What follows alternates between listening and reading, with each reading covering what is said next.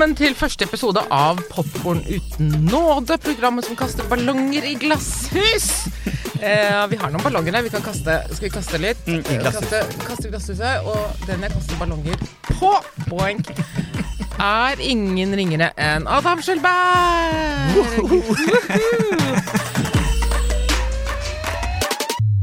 Vi starter med, med den lille spalten Ord for dagen. mm.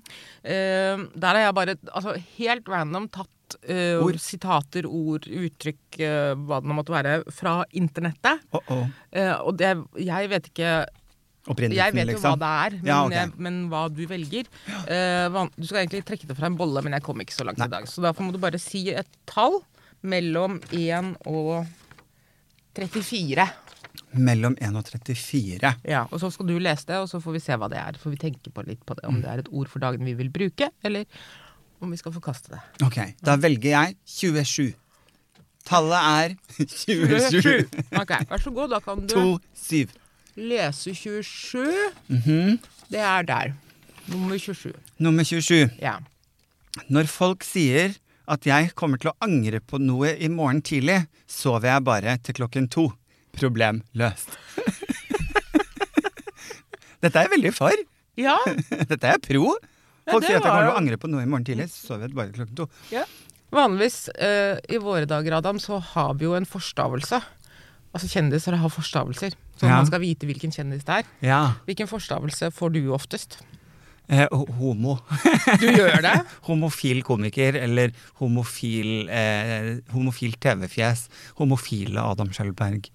Eh, De kan ikke bare kalle deg Sofa-Adam eller Standup-Adam ja, sånn? nei, sjelden jeg får kom Hvis jeg skal få komiker Adam Schjølberg, så må jeg oftest be om det. For det står oftest homofil komiker Adam Schjølberg. så det er eh, Ja. Ja, det er jo rart. Jeg er jo den eneste som får det. De andre, Det er veldig sjelden at man leser sånn heterofile Henrik Thodesen, på en måte.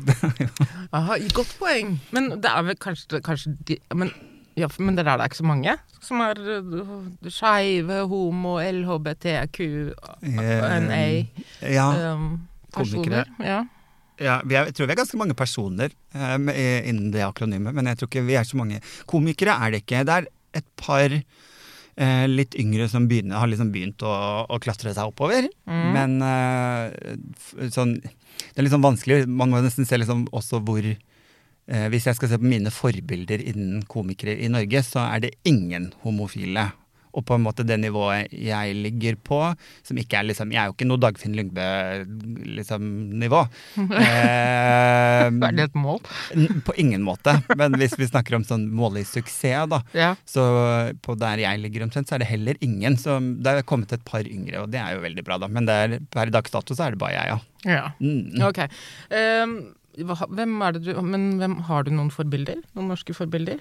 Eller er det kjipt å spørre om? Nei, noen norske forbilder. Mm Og- Så norske komikere som har påvirket ja, deg? ikke, å ja, ikke sant. Ja, for eh, eh, ikke liksom nødvendigvis homofile forbilder i Norge. Nei, for det, du Eh, er jo det ditt eget forbilde. Ja, altså veldig, veldig få eh, homofile forbilder. Mhm. Eh, norske Jeg er veldig glad i Selvfølgelig vokste jeg opp med Anne-Kat. Hærland, Mhm. eh, så det var jo en stor innflytelse. -hmm.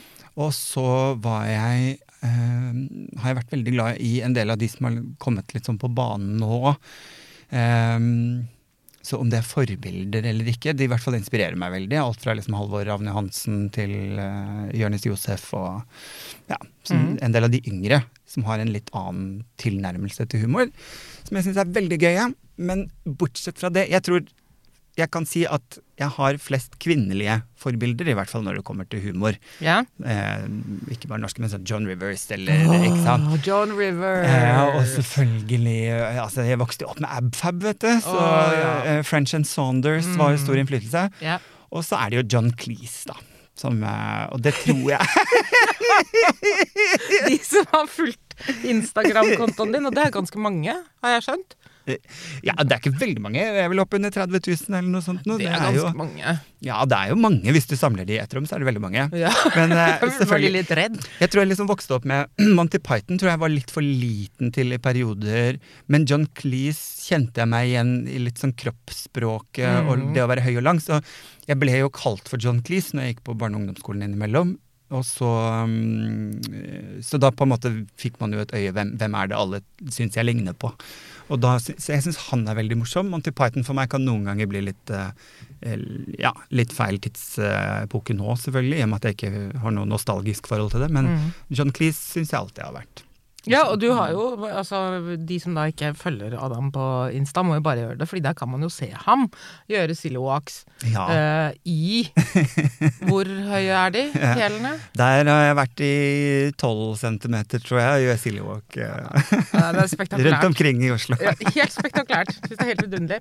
Du, um, uh, vi, skal snakke, vi skal snakke om deg, i grunnen. Men kan vi også bare si hurra? Vi kan si hurra. Ja, og gratulerer og på tide ja. podkast. Oh, nå trodde jeg vi skulle si hurra for pride. Ja. Nei. Men, nei, men tusen takk. Så ja. hyggelig. Og det er jo aldeles strålende at jeg får lov til å begynne på det, deg. Har du hatt en sånn indre monolog som du føler ikke har blitt hørt, så derfor har du nå startet podkast? Uh, eh, nei, men nå har jeg blitt så gammel at det uh, jeg ikke bryr meg. det er det aller beste. Det er det. Ja. Og da blir man mer avslappet, og så må jeg ikke kaste noen terninger eller mene noe hardt lenger. Nei, ah, ikke sant. Men jeg føler jo at du mener Du kan jo mene hardt, du. Ja, men, men jeg Men du må driter ikke. i tilbakemeldingen? Ja, ja. Det er ikke så farlig, liksom. det er deilig. Eh, og så er det eh, Det er klart eh, jeg som deg har jo vokst opp med Abfab og 90-tallet, mm. ironien og alt sånn. Eh, og det kan være vanskelig å løsrive seg fra det dystopiske og, og, litt distanserte forholdet vi hadde til oss selv og samfunnet. Jeg må hashtagge når jeg legger ut eh, videoer, humorvideoer med, eller bilder med ironisk budskap, så må jeg hashtagge det med ironi. Ja, fordi dette må vi snakke om. Fordi du som komiker, hvor lenge har du holdt på nå? Altså som uh, komiker? Som 15, 15, år, tror jeg. Begynte ja. jeg med, ja, med Tore, med sånn Adam og Tore-ting, og så gikk det videre med standup. Ja. Um, hva er den største forskjellen uh, du har oppdaget som komiker når det gjelder hva som er lov og ikke lov eh, mm. med humor, i løpet av den perioden du har jeg har merket at jeg f.eks. må hashtagge ting med ironi, ellers så tror de at jeg mener det på alvor. Det er jo en stor forskjell. At du må, det er inviterer seg. Dette er ironi, folkens! eh, at du må ha det som en slags trigger warning. Yeah. Men eh, bortsett fra det, så er det mer faktisk eh, litt sånn andre veien, altså innover, som jeg har oppdaget at jeg har måttet slutte å gjøre narr av meg selv uh, for å få heterofile til å le. Det tror jeg har vært det liksom, største og vanskeligste. Det er noen ganger man Altså at man går på scenen og gjør standup og humor basert på stereotypier for at de heterofile skal le og ikke bli redde for meg. At de ikke mhm. syns jeg er ekkel eller vulgær eller truende, da. Mm. Eh, og så kan jeg gå av scenen og nesten føle at jeg har drevet med sånn selvskading. At jeg mm. føler meg ikke noe bra etterpå. Så det har jo vært noe jeg har prøvd å sakte, men sikkert endre de siste kanskje sånn fem årene. At jeg skal gå ut og Jeg kan godt le av meg selv og bjuda på meg selv, men det skal være informativt og ikke ondsinnet mot meg selv. Mm. Ja. Så, så om det på en måte har gjort at eh, man mister noen publikummere, så er det helt ok. Mm. Det, jeg vil heller det enn å, å føle meg dritt ja, etterpå. Da har du jo vært gjennom det samme som eh, den lesbiske standup-komikeren Hannah Gadsby. Hun inkorporerte jo det gjennom monologene sine, at nå var hun lei av å være en stereotyp. Og det vil hun slutte med. Ikke sant. Og det setter et annet krav til teksten du skriver. Og det er jo fordi jeg er vant til å jobbe sånn som jeg har gjort så lenge. Mm -hmm. Og nå mhm. plutselig må jeg tenke mye mer. Jeg må være smartere på det mm -hmm. jeg mhm. skriver. Og det tenker jeg handler litt om dette med, med krenk også. Eh, at, eh, at, selv om ytringsfriheten er der, så betyr det ikke at jeg må være drittsekk. Ikke sant? Jeg må ikke gå til, til det ytterste punktet i humor. Det går an å ha litt hjerte og litt Men det krever mer av det, ikke sant? Mm -hmm. Det er veldig lett å gå til liksom ondsinnet harselas, roast-type humor. Mm. Og det kan man fortsatt gjøre, men, men gjør det på en annen måte og ikke, ikke være ondsinnet lenger, da. Kan du, kan du gi et eksempel på, på hvordan du har ja, i anførselstegn prostituert deg som komiker for å, for å ikke skremme deg heterofile? Oh, eh, Ja, altså det er jo veldig liksom denne, Disse klassiske Og det, denne type vits finnes det jo veldig mange av. Eh, men type 'jeg er homo' eh, husker, Var det Bjarte Hjelmeland som hadde noe lignende nå en gang? Sånn 'jeg, jeg gjør ikke innbrudd, jeg pusser opp'. Ikke sant? Å ja. Eh, Ok.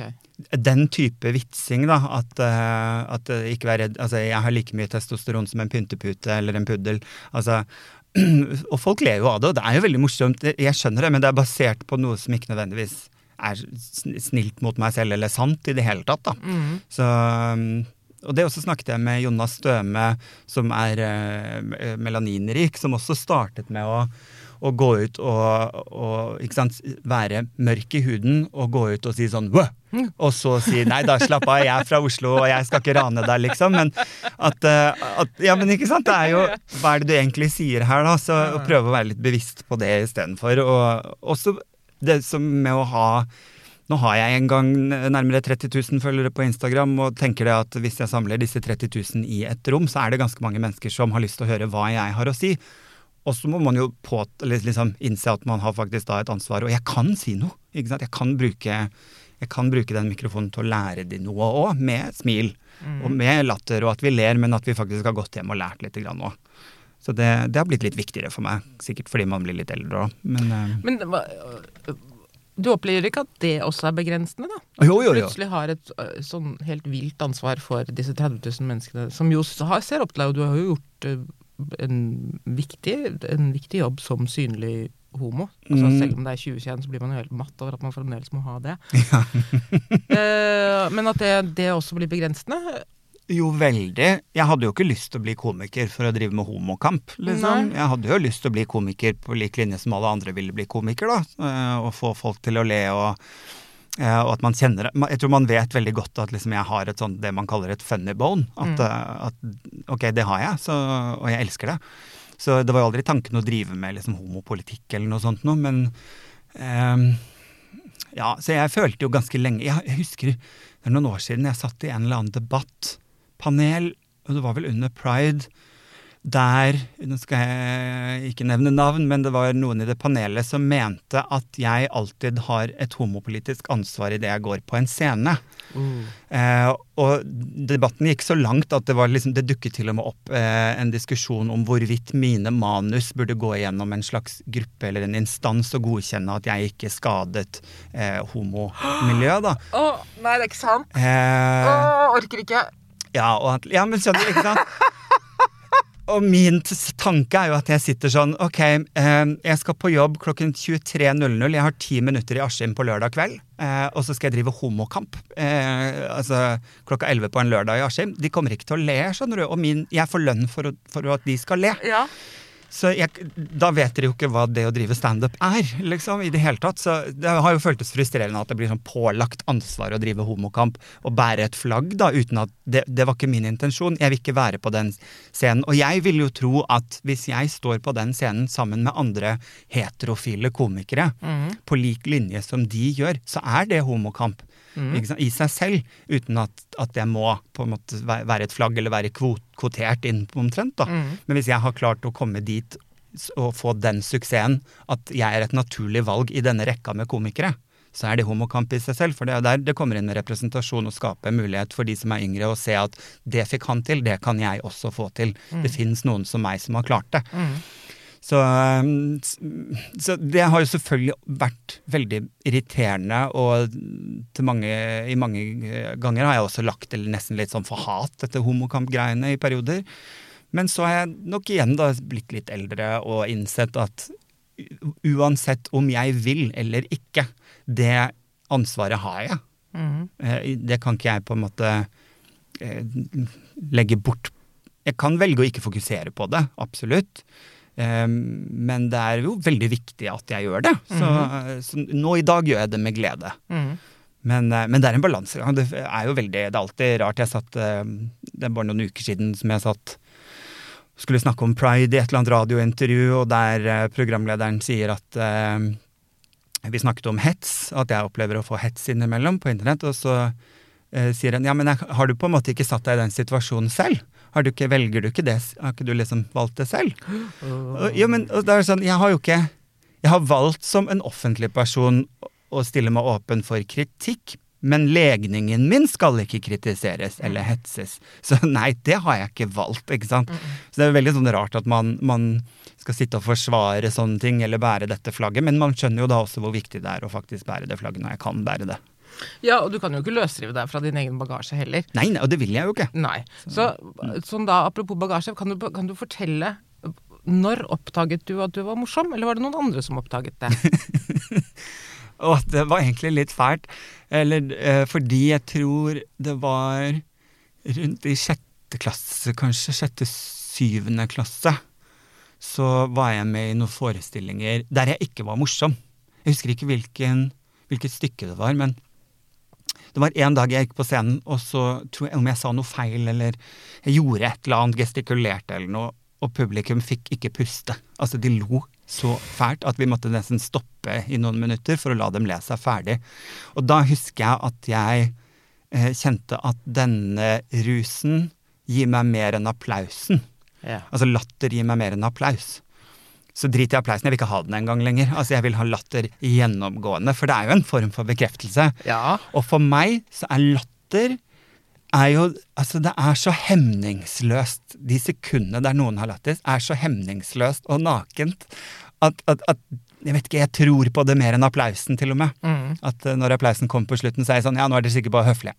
Klapper, fordi jeg er ferdig. Ja, nå vil du bare hjem. Mens latteren, den kan du ikke kontrollere, skjønner du. Den er så hemningsløs og fin.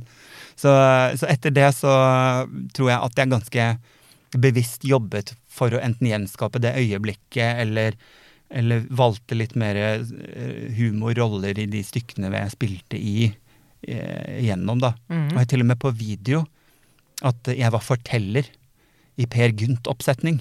Uh. Og så brakk jeg beinet rett før, og alle var sånn Hva gjør vi nå? Han er forteller, og dette går jo ikke bra. Og jeg husker at jeg tenkte at eh, når de fryser på scenen, Moråse og Per liksom fryser, for nå skal fortelleren Og dette fins på video, så hører du sånn 50 meter bak i lokalet sånn krykkelyd. Sånn klikk, klikk, klikk, klikk. Klikk, klikk, klikk, klikk, klikk, klikk. Og det tok jo seks minutter før jeg sto opp på det podiet og sa liksom Per forsvinner videre, ikke sant? Mens de står så, ja, mens de står i frys. Og så var jeg ferdig med min liksom, fortellermonolog. Og så skulle jeg gå helt ned igjen før de kan begynne. Men jeg husker at jeg tenkte dette er showet. Skjønner du? Altså, så, så humoren ligger jo der, og den har vært med hele veien. ja. Men ok, så hvis du kort da forteller hvordan eh, Adam ble til Adam standuper. Uh, Må jeg gjøre det kort? Jo, men ok, du er 20. Hvor er du når du er 20? Da jeg var 20, er, da er jeg midt om det er, Er ikke Homsepatruljepremiere, da? Ja. Ja. Var du bare 20 da, altså? ja, jeg tror det. 2021, kanskje. Ja, 2021-aktig. Da var jeg bare Så- en baby, ja. Og da, um, og da Jo, for når Homsepatruljen kom Jeg ville jo, jeg flytta jo fra Sandefjord. For jeg ville noe mer. Jeg ville noe større enn det Sandefjord kunne tilby meg. Jeg visste jeg er for stor for denne byen. De kan ikke verdsette the awesomeness jeg kan bring to the tables. Yes.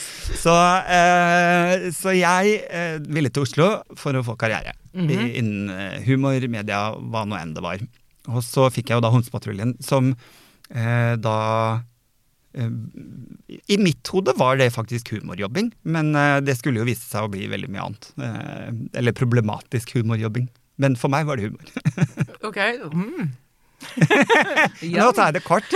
ja. Ikke alt. Det var det korteste jeg klarte. Men da kranglet dere, eller var det en drama og, og sånn?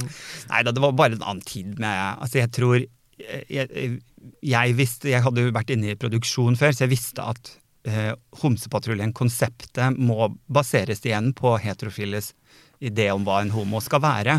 Så jeg rett og slett kopierte Carson i den eh, amerikanske varianten, og bare kjørte på så skrulte, så femi som jeg kunne klare å være. Så det var jo en karakter for å, for å på en måte få den suksessen. Eh, men jeg var, også, jeg var jo bevisst på at, at de ler samme. Jeg buda på. Det er ingen som peker og ler. Nei. Eh, jeg buda på den latteren, men det var jo klart at det ble problematisk etter hvert. fordi at Altså, veldig mange homser syns vi fremstilte eh, homofile stereotypt og feil. Jeg klarte ikke å leve opp til det jeg hadde presentert i, i den suksessen. Eh, folk ble skuffa når de møtte meg, og han er ikke så fabulous som han har Jeg var full av tattiser og, og var ikke på langt nær ikke interessert i designerklær. Så, så det var jo litt nedtur, da. Så det var jo litt eh, ja, baksiden av det, da. Okay. Mm. Um, så er du 25. Hvor er du når du er 25? 25, da tror jeg at jeg hadde Da var jeg ferdig med Homsepatrulje eh, og skjønt at jeg ville drive med humor. Så jeg hadde kasta meg rundt og begynt å jobbe, jobbe i retning mot standup. Jeg begynte med mer litt sånn revy, eh, kabaretshow, og så puttet litt standup inn i det. 25, ja. 20, 25. Og så kanskje jeg var Jeg tror jeg var med på noe sånn syngeprogram på TV òg. Noe sånne eh, greier. 25 Det var sånn på fredagen og sånn? Nei, jeg var med på Det skal du høre. Jeg Jeg-. Nei, det var et program Det var på en måte TV3s billigvariant av Stjernekamp. Her har vi ti kjendiser som skal konkurrere i å synge seg gjennom sjangere på TV3. Livesendinger fra Lillestrøm kulturhus hver eh, helg. Folk stemmer. Du skal gjennom disse sjangerne. Eh, det varte i ti uker. Jeg sto i finalen i uke ti med Chartersvein. Eh, vi- Tuller du? Nei, nei, jeg skulle synge. Jeg vant. Det må jeg bare si. Ja, det ja, Men hvem i alle dager var det dere slo? Altså, Hvordan kom Chartersveien seg til Altså, det var jo ti, Dette var veldig gøy å tenke tilbake på. Hvem Ja. jeg danka ut, da? Jeg danka ut uh, Einar Gelius, Cato Zahl Pedersen, Sigrid Bonde Tusvik, Marianne Aulie. altså, det var så haraball! Du aner ikke. Og midt oppi det så må jeg altså gå til finalen, dvs. Si ti uker med Chartersvein. Som var, var interessant i seg selv. Det, har preget, det kan prege enhver. Eh, men, hva, men hva heter dette programmet? Det het Sangstjerner het på TV3. Du er sikker på at du ikke finner på dette? For dette husker jeg ikke i det hele tatt. Og jeg var jo reality-hore, så det sto etter selv på den tiden. Skal jeg si deg en ting? Jeg vet at det fins en slags compilation-klipp på YouTube av de ti programmene mine. Så det var dumt at jeg sa, forresten. Jeg syns vel ikke det. Vi noterer oss det. Stjerne... Hva sa du det het? Stjernekamp? Nei, ikke Nei. Stjernekamp, Sangstjerner. Sangstjerner Ja. på TV3. Ja, I 2006 var det, da. Så det må jo ha vært rundt, uh, rundt 25 års alder. Herregud. Ja. Um, Og så var det jo haraball. Altså, jeg var jo kjendis og kosa meg i Oslo og var singel, holdt jeg på å si. Det var jo livet, ja, hvordan påvirket det deg, da? At det plutselig folk visste hvem du var? Åh, jeg hadde Jeg var jo litt Jeg sånn spiser litt popkorn, jeg, siden popcorn. programmet Altså, heter det. nå kommer The Drama fram med popkornet. Ja. Jeg mm, kosa meg veldig med å være singel og kjendis. Det gjør man jo til du på en måte ikke blir booka på ting lenger, eller programmene spør ikke om du vil være med lenger. Du har runda brettet, så hva skjer nå? Og da tror jeg Så du jeg ja til mye rart på den tiden, eller? Ja, jeg var med på Sangstjerne, for pokker! det Det var er det på NRK, det. Nei, Sangstjerne på TV3 med Chartersvein. Så ja, man sier ja til mye rart. Oh, ja, nei, ja, nå tenkte jeg om, du hadde, om det var noen andre sånne horror-reality-ting som du da ble Ja, jeg tror jeg var med på noe som het Cruiseliv. Um, var kjendiser som hoppet rundt i Karibien, på, uh, sponset av Royal Caribbean Cruise Lines. Så ja, det var mye rart. Hva skulle dere Hva var konseptet der? Nei, det var akkurat det jeg sa nå. Det er betalt ferie av Royal Caribbean Cruise Lines som de lagde TV-serie av, rett og slett. Du var på ferie? Jeg var på ferie. Cruiseferie med Eh, Da var jeg med Tore Petterson. Eh, Så vi hoppet rundt i Karibien. Eh, Og altså, dere to fikk lov til å reise til Karibien og lage et slags reiseprogram? Ja, men ikke bare vi. Det var jo sånn 20-30 kjendiser. Som var sammen med dere på skipet? Nei, alle bodde, altså alle, Vi fulgte liksom alle kjendisene. Litt sånn, litt sånn charterfeber, da. Bare Ja. på cruisebåt. Skjønner, ok. Ja. Ja, var det, hvor var dette hen? Eh, hvor var dette hen? Vi var TV jo Norge, på, TV3? TV... på Ja, det var vel Nei, var det TV Norge, tror jeg. Kanskje. Ja, det ser du også. Mm. Ja, mhm. ja, men det var jo fint. Ja, veldig flott. Nei, og så um, var jo da Jeg tror det som man oppdager når man på en måte plutselig populariteten din som kjendis begynner å dale, og man er i 20-årene, Mhm. så eh, oppdaget jeg ganske kjapt at dette snur man eh, til at mi, min Altså når populariteten daler, så er man ikke gammel nok til å forstå at det ikke hadde noe med egenverdien min å gjøre. Sånn at eh, det var jeg som var ræva. Jeg er ferdig, jeg er dårlig, jeg er ikke flink, jeg er ikke alt det der. Så med en gang du begynner å krysse liksom, ja, popularitet med egenverdi, så begynner det jo å gå litt gærent, rett og slett. Og da blir man jo deprimert og syns ikke livet er noe særlig ålreit.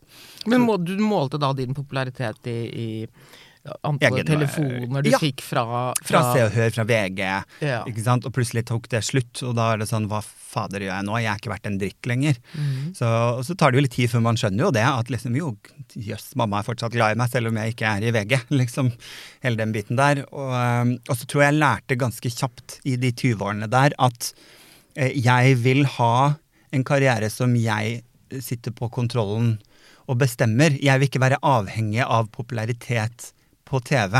Jeg vil eh, skaffe meg en karriere som jeg styrer, og så må TV komme i andre rekke. Så det var da jeg ble ganske bevisst på at standup er noe jeg kan gjøre uavhengig om jeg er på TV eller ikke. Og så kommer TV-gigs ved siden av som en slags bonus dersom det kommer, dersom dette er et konsept jeg har lyst til å være med på. Mm. Og da er det jo å brette opp ermene og jobbe målrettet og finne selvtillit og egenverdi i noe annet enn popularitet, ikke sant. Så, det tror jeg liksom fra 25 til 30 handlet det om å liksom begynne å bygge. Men det er å brette opp ermene. Du må begynne på scratch igjen, liksom. Og hadde jo da selvfølgelig hvem er han homoen som skal inn i dette standup-miljøet. Eh, krasje guttefesten er jo selvfølgelig en ting. Og ikke bare det, hvem er denne kjendisen som nå skal bli standup-komiker. Så det var ikke noe free passes. Det var eh, begynn på null med null i lønn og stå på skitne klubber og, og, og, og tørre å være dritt. Og tørre å være dårlig for å, å vite hvordan jeg kunne bli bedre, da. Så det handlet det, ja. Okay, Fortell meg hvordan, hvordan du jobber frem en standup-tekst. Hvordan gjør man det? Hva begynner du med? Og det er så forskjellig. Eh, Noen ganger så Noen ganger så liker jeg å skrive Det er litt jeg tror jeg noen ganger har litt sånn tilnærmelse som bok, at eh, jeg begynner med å skrive ned hva jeg har lyst til å si. Mhm.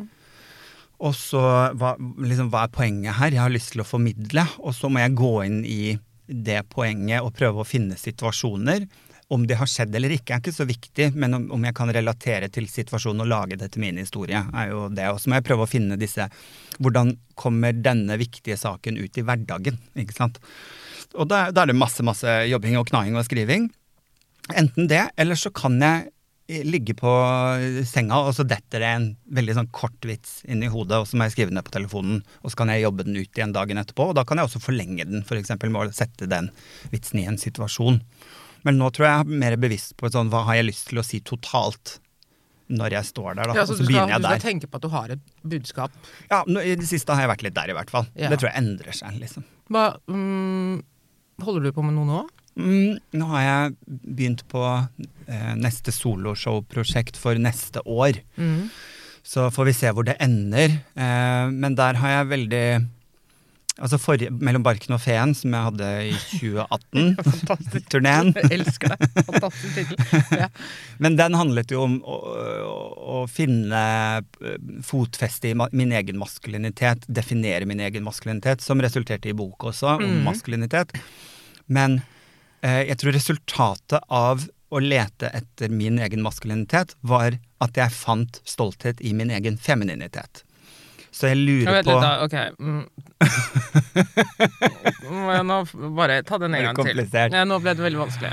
Nei, men jeg tror jo mer jeg lette etter hva, hva maskulinitet betydde for meg, Var det å være mann er- eller maskulinitet? Begge deler, da. Hva legger jeg i å være mann? Hva, hva er mann med stor M? Hvorfor har jeg så mye skam rundt femininitet? Mm. Hvorfor jobber jeg så hardt for å oppfylle krav om, om det andre syns en mann skal inneha, eller det eh, maskulinitet skal være?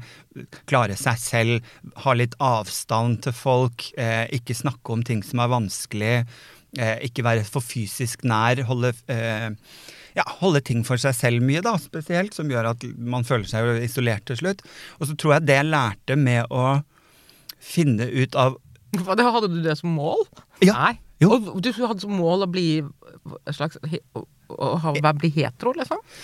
Ja, ikke bli hetero, men jeg tror liksom veldig mange homser idealiserer den heterofile, normale, gjennomsnittlige mannen. At det er liksom mannsidealet, da.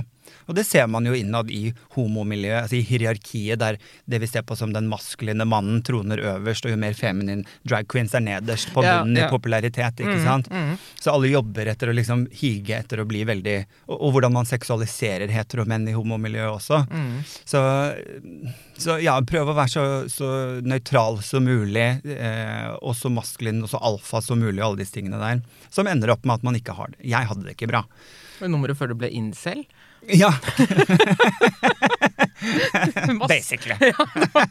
Hun hørte på Jordan Peterson og bare Ja. Oi, oi, oi. Nei, så, så jeg tror det jeg oppdaget, var jo at i de, den prosessen der jeg våget å bli en som eh, stilte meg sårbar, en som våget å ta opp noe vanskelig med en venn. Det å være han som våget å si 'jeg ser at du ikke har det så bra'. Mm. Eh, lytte, ikke prøve å fikse problemet, men bare 'det, det må være dritt'. Eh, så kjipt at du har det sånn. Bare bekrefte Yes.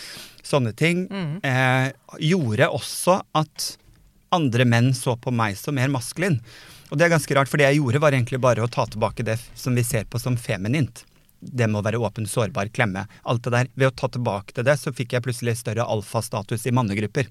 Så tenkte jeg hm, dette er interessant. Mens kommer heterofile, voksne menn i lederstillinger, eh, kommer til meg for å drøfte noe de syns er vanskelig.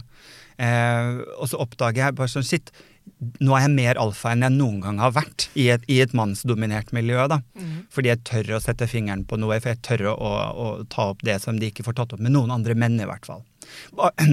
En annen del av det er at jeg opplever også at heterofile menn tror de er forelsket i meg. De tror de har en man-crush. Så gøy! Fordi jeg snakker med de sånn som de er vant til å snakke med kvinner, ikke med andre menn. Så de blir forvirret. Så jeg opplever, og har faktisk opplevd flere ganger, at de tror de må kysse meg, f.eks. Oi, uff da. Eh, ja. Og, som, og da må jo jeg på en måte se at dette er faktisk en maktsituasjon også. At, eh, at dette er litt sånn vanskelig, fordi menn blir forvirret av at denne relasjonen har jeg kun hatt med kvinner, nå har jeg det med deg. Hva, er jeg nå homo, da? Ikke sant? Så Og det første de tenker på, er at da må jeg jo kysse ham! Eller kysse ha sex med ham. Ja. Ok, Så- så, da må du lære dem at det Nei, det er ikke det. Å vise det. følelser er ikke det Men- samme som Og det sier veldig mye om hvor lite Hvis du tar platonisk nærhet mellom menn som i det hele tatt eksisterer, da, og når Mm. jeg kommer og, og, og på en måte representerer det, så blir de veldig forvirret.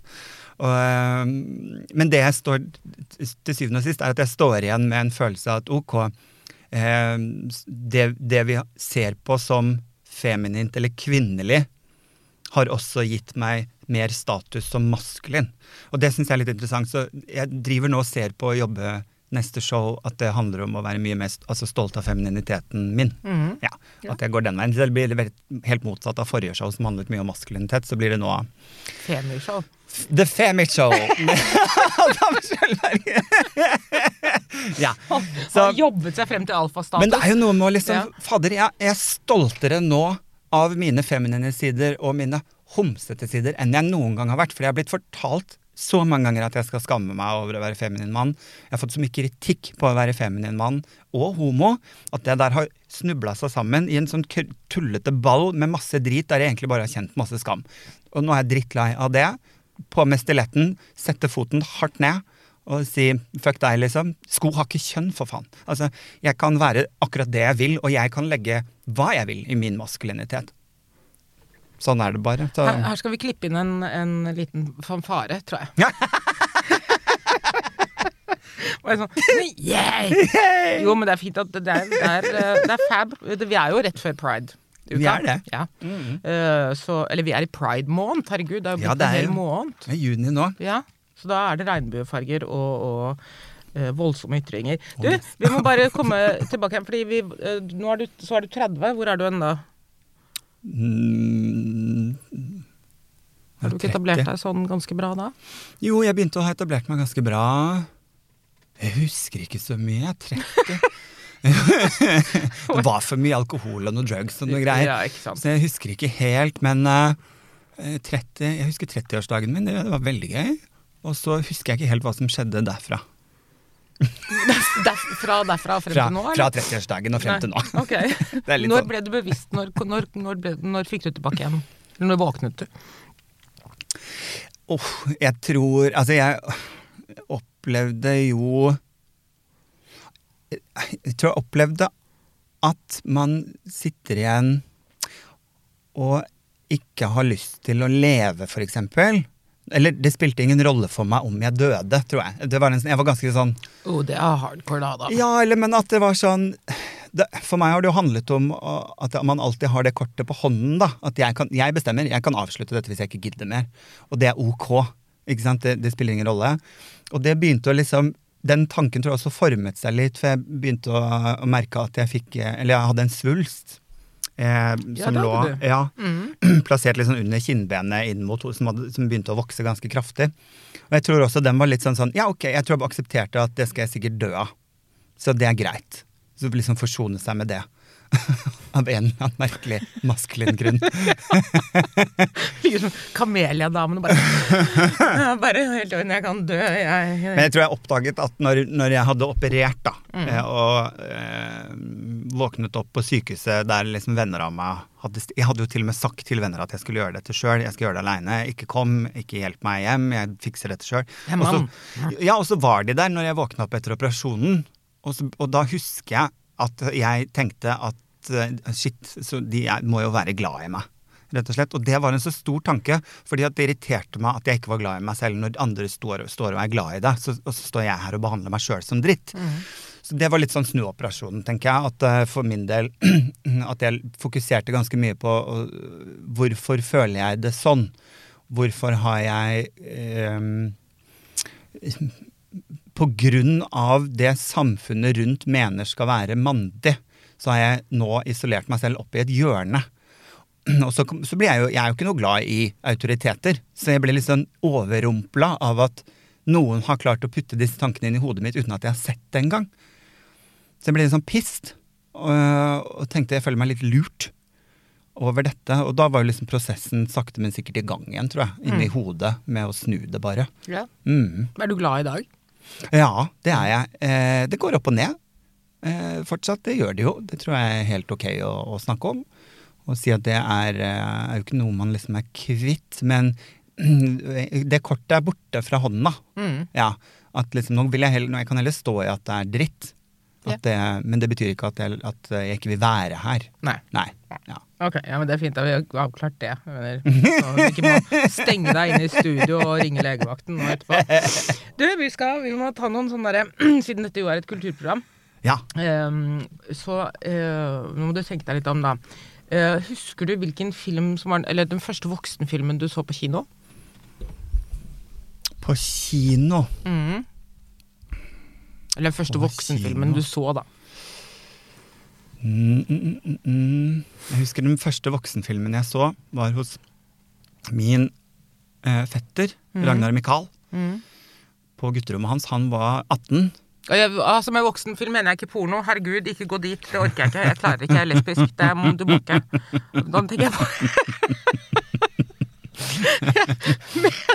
Hadde, ting som var mer enn 16 år grense. Herregud. men det, og da var ikke jeg Jeg må ha vært rundt 10-12 eller noe sånt. nå, Mm. Og da skulle vi ned i kjellerstua og se film. Og da så vi Alien. Åh! Åh, nå ble jeg lykkelig. Åh, så glad jeg er på dine vegne. Men jeg så også at han hadde plakat av Samantha Fox over sengen sin. Åh! Lite visste han at hun var lesbisk. Mm. Mhm. Det syns jeg er det beste som fins med Samantha Fox, var at eh, alle trodde at de puppene var hetero. Det er det ikke. Ja. Nei, okay, nei, men det Alien er en veldig fin start på livet. Ja, det syns jeg jo absolutt at det var. Jeg, har, jeg, jeg kan ikke forklare med ord hvor redd jeg var mm. eh, når jeg så den filmen. Og hvor mye jeg tenkte på den, hvor mye tid jeg brukte på å tenke på den liksom fram til jeg ble sikkert 18-20 og videre etter det òg. Men, mm men ja, jeg husker det. Eh, sitte, jeg var helt paralysert, Mm. eh, skrekkslagen og fascinert, Mhm. rett og slett. Så det tror jeg skapte min første ja, horror, billetten inn til horror. Da. Ja, fordi horror er en greie for deg? Det er min sjanger, ass. Ja. Elsker horror. Ser alt jeg kan av horror. Og jeg elsker B-film. Jeg elsker dårlig horror, jeg elsker bra horror og forskjellige alle sjangerne. Men, eh, men Alien er fortsatt min go to-film hvis jeg kjeder meg og ikke finner noe mm. å se på. Så er det fortsatt Alien. Den, jeg sikkert vet ikke hvor mange tusen ganger jeg har sett den, men, eh, men den kan jeg fortsatt sette på. Det gjør jeg jo. Selv om jeg kan den utenat. Altså, hver eneste Ikke replikk. sant? Og jeg kan til og med begynne å mime Ja, bevegelsene sånn. Ja, ja, alt sammen. Det er. Men det, men det er jo en av de få science fiction-filmene som fremdeles eh, Hvor man ikke blir flau av å se den fordi at eh, teknologien faktisk Sant. Jeg tror det er én gang der du ser at det er på en måte tydelig at det er en mann i, i en drakt som Ja. går bortover. Men det er, det, er, det er ett sekund. mm. Og resten er jo bare oppbygning og Mm. stemning og spenning. Det er Mm. helt magisk. Så jeg husker det. Og så gikk det jo videre til eh, jeg, husker, jeg, husker, jeg kan jo huske å, å se Jurassic Park på kino. Ja, det gjorde jo gjerne, ja. Eh, ja, og det var jo også veldig sånn wow. Ja, det var fantastisk. Men, men jeg følte det var mer sånn tenåringsfilm, ikke nødvendigvis voksenfilm, da. Men eh, Nei, men det å sett, det å sett Jurassic Park på kino, det ja, det var, Jeg tror jeg så den tre ganger, eller jeg gikk tilbake og så Ja. og det var, også var veldig stort. ja. Ehm, så ja. Men alltid eh, Jeg tror vi vokste opp i en sånn vennegjeng òg. Vi hadde horrorkvelder der vi hadde horrormaratons og ja. Så Du har jo en, en, en slags horroralternativ uh, personlighet eh, eh, per, Nei, hva heter det? En sånn person. En, hva heter hun igjen? Si hva hun heter. Uh, Varg Nei. Eh, ja, det er ikke Ja, horror. Ja, men det, det kommer litt eh, så Vargangina. Vargangina Eh, er satanistkarakteren som Ja, jeg har ja. på internett. Ja. Mhm, For satanister kan også være influensere. um, de også må jobbe. Så, så jeg har en influensersatanist Ja. på internett som legger ut mye sminkevideoer.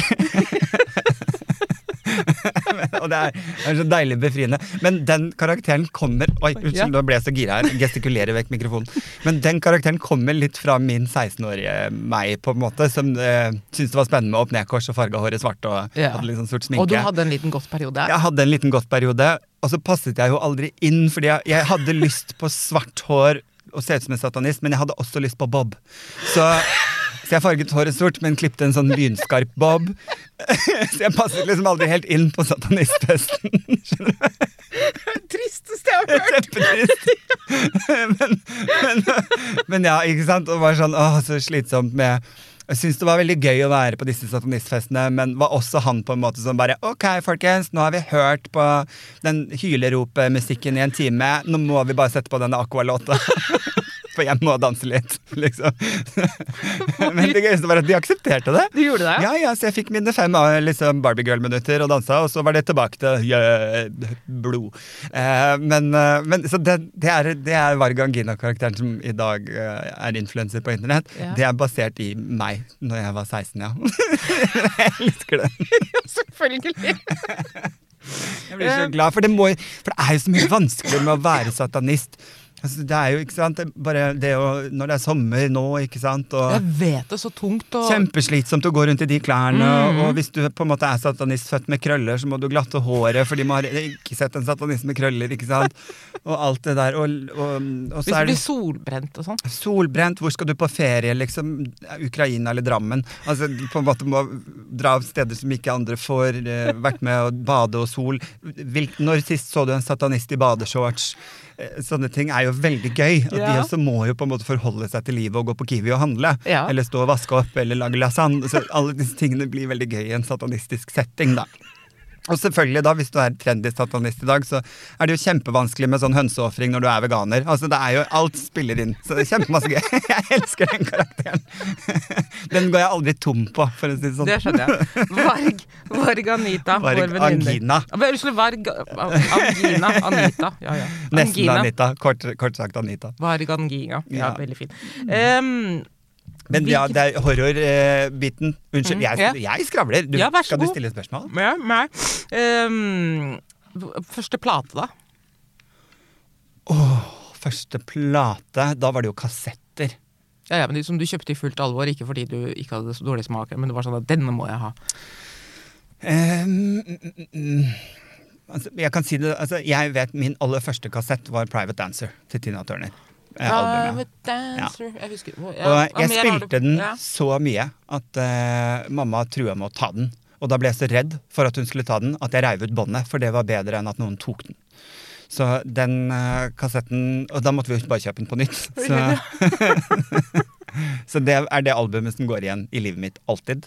Uh, ja, det er mitt favorittalbum i livet nummer én. Det er Private Dancer, Tina Turner. Mhm. Første CD-singeren jeg kjøpte Mm. for egne penger, var Cotton Eye Joe til Rednecks. Å, himmel stakkar.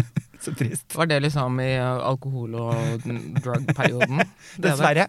Helt edru eh, med satanist-bob.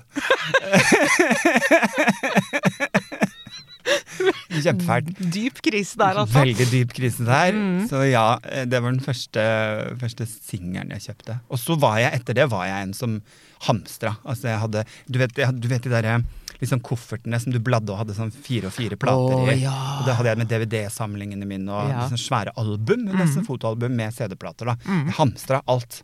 Det Man var- tok ut platene og puttet dem inn i Ja, ja, ja. foldere i mm. Mm, jeg var en sånn en. Men jeg har alltid likt veldig bredt. Mus, bred musikk. Jeg har jo vokst opp mamma Jeg har jo alltid vært eh, hva skal man si, litt sånn old school rock da, med Rolling Stones og Eric Clapton, David Bowie. eh, Tina Turner selvfølgelig, Bette Midler. Så jeg vokste opp med det. Så jeg gikk nok inn i ungdomstiden med å også være litt Metallica, og holdt meg litt sånn på rock. Og Nirvana selvfølgelig, grungen på 90-tallet. Courtney Love var største idolet. Og så um, etter hvert så går man jo tilbake, og liksom nostalgien i det jeg har vokst opp med, da, som var egentlig det mamma hørte på, er jo det jeg selv hører på i dag. Ja. Ja. Det er visstnok Forskning viser at det er veldig vanskelig å, å begynne å like ny musikk etter at man har fylt 30 eller 33. Ja. Da, Mm. da slutter man å være interessert i ny musikk. Ja, For vi må bare spille de gamle platene sine. Ja, jeg gjør, men jeg gjør det. det er det jeg gjør. um, hvilken, hvilken film eller bok eller plate skulle du ønske at det du hadde laget? Oh. Film, plate eller bok, eller ja. Hmm. Bibelen. Eh, Tåpelig spørsmål. Jeg ba om det. hvis vi begynner der? Ja.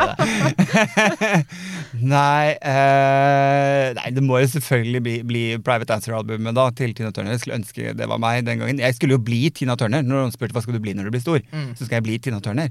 Yeah. Og jeg husker den eh, altså, hvor hjertet sank når mamma sa men det er allerede noen som er Tina Turner. Og jeg altså, i, i, I hodet mitt Onde mor! Mhm. Men vet du hva jeg tenkte? Nei, Hun, hun dør en dag. Da blir stillingen ledig. jeg tror hun er død. Jeg tror Nei, hun er vært- ikke det. Jo, Nei. tror hun har vært død kjempelenge. Bare en slags kostyme noen går ja, rundt med. ja.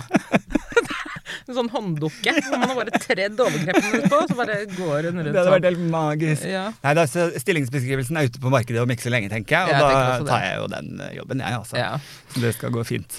Ehm, Og, og hvis film, kanskje Evil Dead. Skulle ønske jeg hadde spilt det eller laget. Ja. Det tror jeg kanskje hadde vært liksom drømmefilmen. du ville ikke vært Ripley, da. Um, nei, jeg er med hvis jeg skal velge selv. Jeg var jo så heldig nå. Jeg har jo spilt i min første film nå, som kommer til høsten. Det har du! Så Horrorfilm, jeg til har og med. fått spille i skrekkfilm. Jeg har fått spille drømmerollen. Og jeg vet at Ripley for meg blir for um, intens uh, stemningoppbygning. Mm. Drømmemorder for meg er jo slasher. Altså Det er jo øksemorder, kniv. uh, og den rollen har jeg nå fått, og Ja. til, og kommer til høsten. Så Fortell hva filmen heter. den heter De gjenvendte, heter den. Ja, Som er en norsk eh, post-zombie-apokalypse-film. ok, Hvem har laget den? Eh, Det er eh, Finnmark Productions, heter de vel. Tror jeg. Ja, men Det er en person. Det er jo ikke en gruppe mennesker som bare går nei, kommer gående og sier Hei, vi er fra Finnmark, vi skal lage zombiefilm! Det. Espen eh, forholdt jeg meg til navnet, husker jeg ikke hva han heter etternavnet engang. Regissøren din. ja, eh, som også har skrevet manuset. Ja. Espen etter at jeg vet ikke hva han heter. Filmen Espen. kommer kanskje på kino, vet ikke. Alt det der. Jeg var mest fornøyd med å få lov til å spille skrekkfilm, og eh, at, det, at det gikk så fort å sette seg inn i mentaliteten til manisk eh, knivøksemorder, eh, var faktisk eh, Regissøren sa vi hadde et sånn, skulle spille inn en scene som var veldig manisk, og alle sto klare, og så sier han Adam, trenger du et par minutter til å bare finne liksom maniske biten? Og jeg var sånn nei, nei, klar. Og han bare det er veldig bra. Det er også litt bekymringsverdig, Adam. Jeg bare det går fint. Kjør kamera. Ikke noe Stanislavski her, nei. Vi går rett på! Rett på. Storkosa meg. Ja. Ja, ja, Ja, jeg har sett noen av bildene du la ut, og det oppfordret jeg for så vidt eh, andre til å gjøre. Så bare gå inn på profilen din og se hvor lykkelig Adam er. Hvor lykkelig øksemorder. Men det også ga meg litt sånn idé om, for jeg har jo vært Gangina-satanisten. Ja. Altså, det er en hverdag, fordi øksemordere har også hverdag. Så jeg lurte på om det er en ny karakter som kommer. Seriemorder hverdag? Ja, Ja, seriemordere må også på en måte ta trikken til jobb, skjønner du, og ha fri og ja, Mhm. alt Det det er riktig, det. Ja. Um, hva, er du, hva er du mest stolt av å ha laget selv? Av alt du liksom har laget? For det første syns jeg det er vanskelig å være stolt. Eh, når, når går man rundt og er stolt, og hvordan er den følelsen?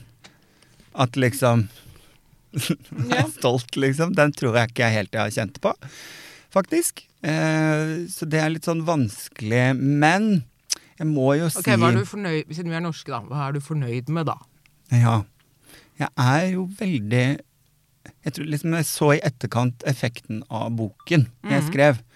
Når jeg fikk liksom snakket med menn eh, som har hatt det vanskelig, og alle de tilbakemeldingene jeg har fått der, det har jo gjort at jeg har blitt sånn Oi, ja, det, var, eh, det er jeg stolt av. Den boken er jeg stolt av. Mm. Ja. Ja, Det kan jeg si. det være. Hva, hva, hva ville du si til um, Du har snakket en del om um, unge nye standupere som du er opptatt av. Mhm. Men hva vil du si til en ung person, da? Som tenker at eh, jeg vil uh, på scenen. Mhm. Jeg vil bli standuper. Oi. Punkt én, sjekk om du er morsom, for eksempel. Ja, det er jo det. Ta mikrofonen og, og begynne et sted. Man må tørre å begynne et sted, og man må tørre å være dårlig. Mm. Selvfølgelig. Og så er det jo det. utholdenhet, da. Det er jo det kanskje som står igjen som det viktigste ordet. At man må ikke gi opp, tror jeg. Og standup spesielt er så vanskelig, for det er så lett å ha en dårlig kveld og føle at da er man dårlig, da. Mhm. Så jeg skal ikke gjøre dette igjen, men så neste kveld så kan du være den beste. Så, så man, må våge, man må våge å være litt dårlig. Ja, altså Ja. Er det så brutalt som det kan synes som? Altså Når du sier at du står på, står på en brun pub og 15 mennesker i, i lokalet, f.eks. Det kan være ganske brutalt, ja. Men jeg tror jeg Men har går klart for, har de kastet f.eks. ballong på deg? Det er bare sånn Gå vekk! Eller popkorn. Aldri ballonger. De har ikke kastet uh, De har ikke kastet ballonger på deg? Nei, jeg har kastet ølflasker. Det er verre enn popkorn, da. Men, ja, det eh, er det. ja, Kastet ølflasker. kastet ølflasker. Jeg har blitt spyttet på på scenen. Nei. Jeg har blitt flydd av scenen. Hva mener du flydd av Eh, to gutter tok rennafart og sprang opp scenen og, tok, og dytta meg av scenen. Så, ja, ja, ja. Så det har jeg jo opplevd. Men Hvor var eh, dette? jeg tror det var i Hønefoss. Ja, selvfølgelig. Selvfølgelig. Mm, klart. Det er lenge siden. Det er lenge siden. Men uh, jeg ble spytta på på latter, så det kan skje på de mest omtalte scener. Ja, men da? Gå, men å spytte, det krever jo litt. Altså, da må man jo gå bort til noen. Man må reise seg og, og gå bort. Og, Mm. Det er ikke sånn man kan spytte ti meter, liksom. Mm, nei, man kan sikkert det og kan øve. Det er et nytt triks. Eh, Et nytt realityshow-konkurranse. Eh, Norges beste spytter. Men eh, sikkert, ja, TV3. Men eh, jeg, husker, jeg, jeg husker faktisk det veldig godt. Eh, Jeg sto på scenen, og du vet du får litt sånn overblikk ganske kjapt eh, på den som sitter og er surest i salen. Den ser du som bare utstråler 'jeg hater deg' Ja. eh, energi. Så jeg holdt et lite blikk. I og med at jeg har opplevd før da, at noen har kastet ting, eller man har blitt flydd av scenen, så jeg har liksom ett sånn skrått øye på hva driver du med underveis i dette showet. Og så når jeg var ferdig, og jeg tok liksom et skritt ned fra denne lille scenen jeg sto på, eh, og skal gå igjennom midtgangen og være, liksom si takk for meg og gå ned midtgangen, så satt han ganske nært midtgangen.